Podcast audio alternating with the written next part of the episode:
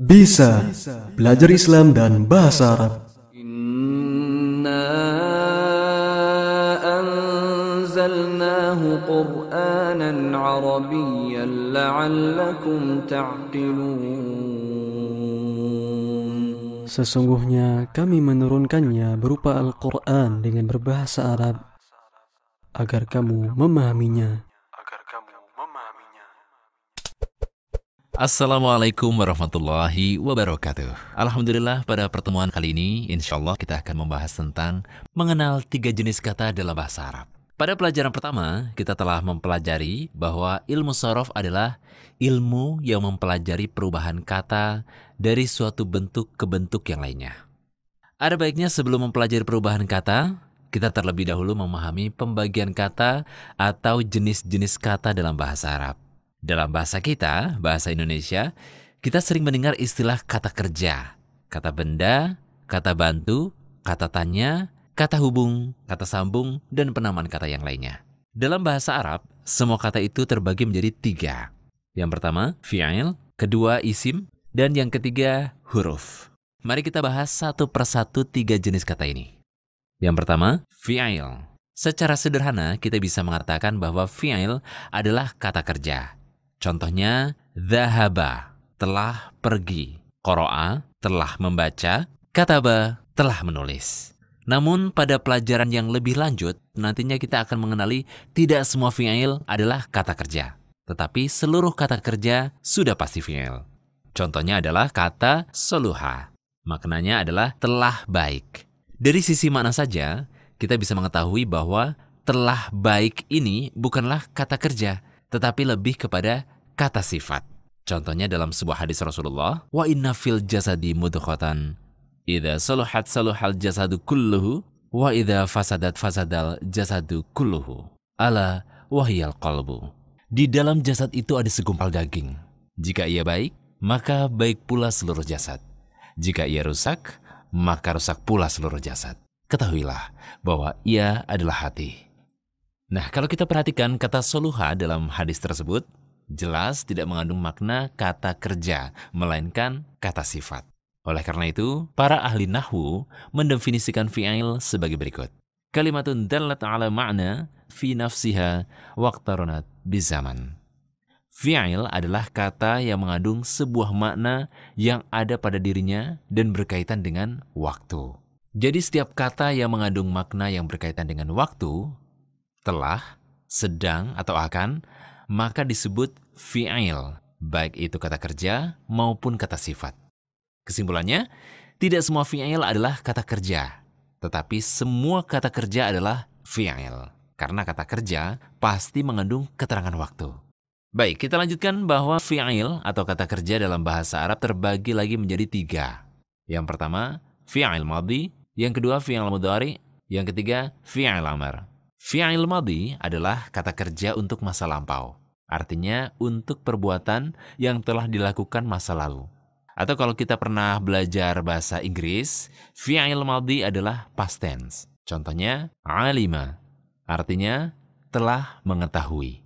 Kemudian fi'il mudhari adalah kata kerja untuk perbuatan yang telah terjadi atau akan terjadi. Contohnya ya'lamu, artinya sedang mengetahui atau akan mengetahui. Berikutnya fi'il amr adalah kata kerja perintah. Contohnya i'lam, artinya ketahuilah, lihatlah, tulislah, pukullah, pelajarilah.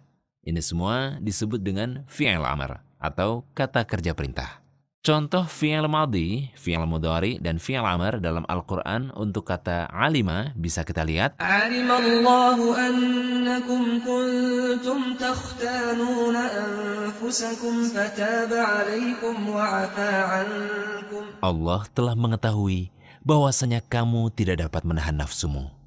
Karena itu, Allah mengampuni kamu dan memberi maaf kepadamu. Kemudian contoh fi'il mudhari, ya'lamu bisa kita jumpai dalam Al-Quran Surat Al-Baqarah 216. Wallahu ya'lamu wa antum la ta'lamun. Allah mengetahui, sedang kamu tidak mengetahui. Kemudian yang terakhir contoh fi'il amr. Kita bisa temui dalam surat yang sama, yaitu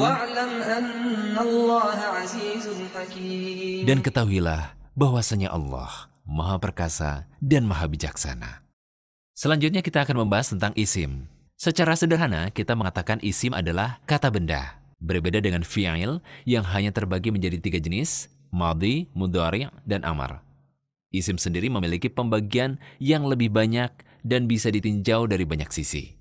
Hanya saja yang terpenting untuk diketahui pemula adalah isim ditinjau dari sisi jenis atau nau dan isim ditinjau dari sisi bilangan atau adat.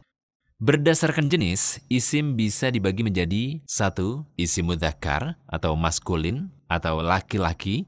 Yang kedua, isim mu'annath atau feminin atau perempuan. Bahasa Arab memang membedakan kata untuk laki-laki dan untuk perempuan. Ini berbeda dengan bahasa kita. Misalkan kalau kita ingin mensifati Zaid dan Fatimah dengan kepintaran, maka kata yang digunakan sama-sama pintar. Zaid itu pintar, Fatimah itu pintar. Sedangkan dalam bahasa Arab, kata pintarnya dibedakan antara yang laki-laki dan perempuan, yaitu Zaidun mahirun, Fatimatu mahiratun. Insya Allah kita akan bahas lebih mendalam tentang mudhakar dan mu'annath pada pelajaran selanjutnya. Sementara berdasarkan bilangan, isim bisa dibedakan menjadi satu, isim mufrad, yaitu kata tunggal. Kedua, isim tathniyah atau isim muthanna, yaitu kata ganda. Dan ketiga, isim jama, yaitu kata jamak. Ini perlu kita catat ya, karena bahasa Arab berbeda dengan bahasa Indonesia yang hanya membedakan kata tunggal dengan kata jamak. Bahasa Arab ada kata tunggal, kata ganda, dan kata jamak. Yang disebut jamak dalam bahasa Arab adalah kata yang lebih dari dua. Kalau dua disebut dengan kata ganda atau isim tathnia atau isim muthanna, ini pembagian isim berdasarkan jumlah. Insya Allah kita akan bahas lebih mendalam lagi tentang mufrad, muthanna, dan jamak pada pelajaran selanjutnya. Kemudian huruf. Huruf yang dimaksud di sini bukan seluruh huruf hijaiyah ya, dari alif, ba, ta, tha, dan seterusnya, tetapi huruf yang dimaksud dalam ilmu nahwu sorof adalah huruf hijaiyah yang memiliki arti baik terdiri dari satu huruf saja atau dua huruf atau tiga huruf. Contoh huruf hijaiyah yang satu huruf namun memiliki arti adalah A artinya apakah, B artinya dengan, Ta bisa digunakan untuk huruf sumpah. Jadi selain kita bersumpah dengan wallah, kita bisa juga bersumpah dengan tallah. Fa artinya maka, sa artinya akan. K artinya seperti, li artinya untuk, dan wa artinya dan. Inilah contoh-contoh satu huruf hijaiyah yang memiliki arti. Selanjutnya akan kita lihat contoh dua huruf hijaiyah yang memiliki arti. Min artinya dari, an artinya dari, fi artinya di, lan artinya tidak akan, lam artinya tidak atau belum. Contoh tiga huruf hijaiyah yang memiliki arti.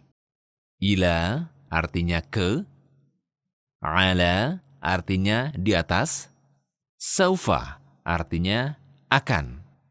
Kesimpulan dari pelajaran ini adalah ada tiga jenis kata dalam bahasa Arab yaitu fi'il, isim, dan huruf. Fi'il sendiri terbagi menjadi tiga, yakni fi'il madhi, fi'il mudhari' dan fi'il amr. Fi'il madhi adalah kata kerja untuk perbuatan yang telah lalu atau past tense, Fi'al mudhari adalah kata kerja untuk perbuatan yang sedang berlangsung atau akan berlangsung di masa yang akan datang, present continuous tense, dan future tense. Kemudian, fi'al amar adalah kata kerja perintah. Isim banyak sekali jenisnya, namun untuk pemula yang harus diketahui, yang wajib dipahami pembagian isim berdasarkan bilangan, ada isim mufrad atau kata tunggal, ada isim tathniyah atau kata ganda, dan ada isim jamak atau jamak. Kemudian isim berdasarkan jenis ada isim mudakar atau laki-laki, ada isim mu'anath, perempuan. Terakhir, huruf. Huruf yang dimaksud dalam ilmu nahwu adalah huruf hijaiyah baik satu, dua, atau tiga huruf yang memiliki makna khusus. Demikianlah pelajaran kita yang kedua. Semoga yang saya jelaskan bermanfaat untuk semua. Wassalamualaikum warahmatullahi wabarakatuh.